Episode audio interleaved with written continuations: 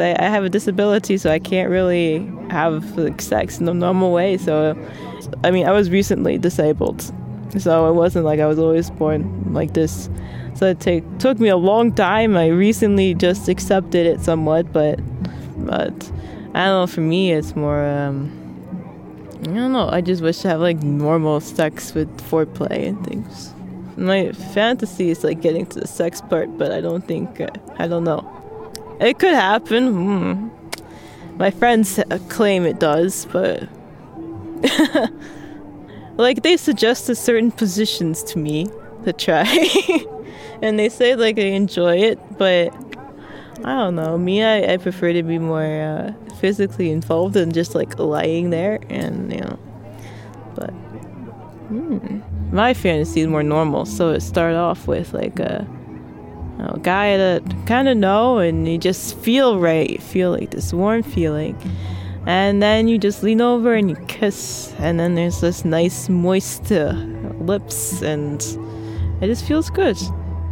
And then you just like move on and, uh, you know, just, oh, like, just slow, I guess. Enjoy the moment. Like, that's for me what it is. Nothing quick and fast. It was slow foreplay, talk, and uh, joke, you know, and then just uh, move on. Like, and uh, I guess like go further, like just beyond the sex part of it, have like a nice intimate relationship with someone.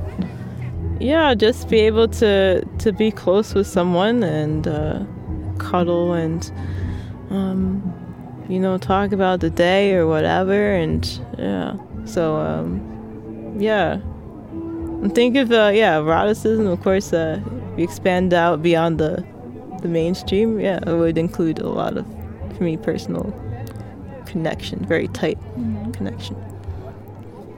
That's what really makes me feel really warm and happy inside. Yeah. Uh definitely like uh i don't know after like a really nice dinner honestly that's really when i feel the like most excited. Like a good conversation, and you really get to know someone, and then naturally you just feel closer, you know?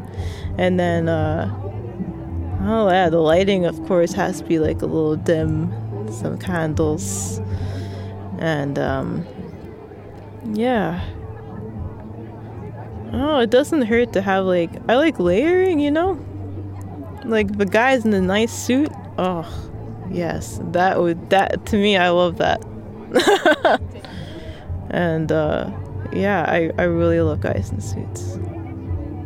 So you just like take it off and then you have time. You enjoy it. You know. Yeah. Um yeah, with like a zipper and you slowly work your way down. Yeah. And then slides off.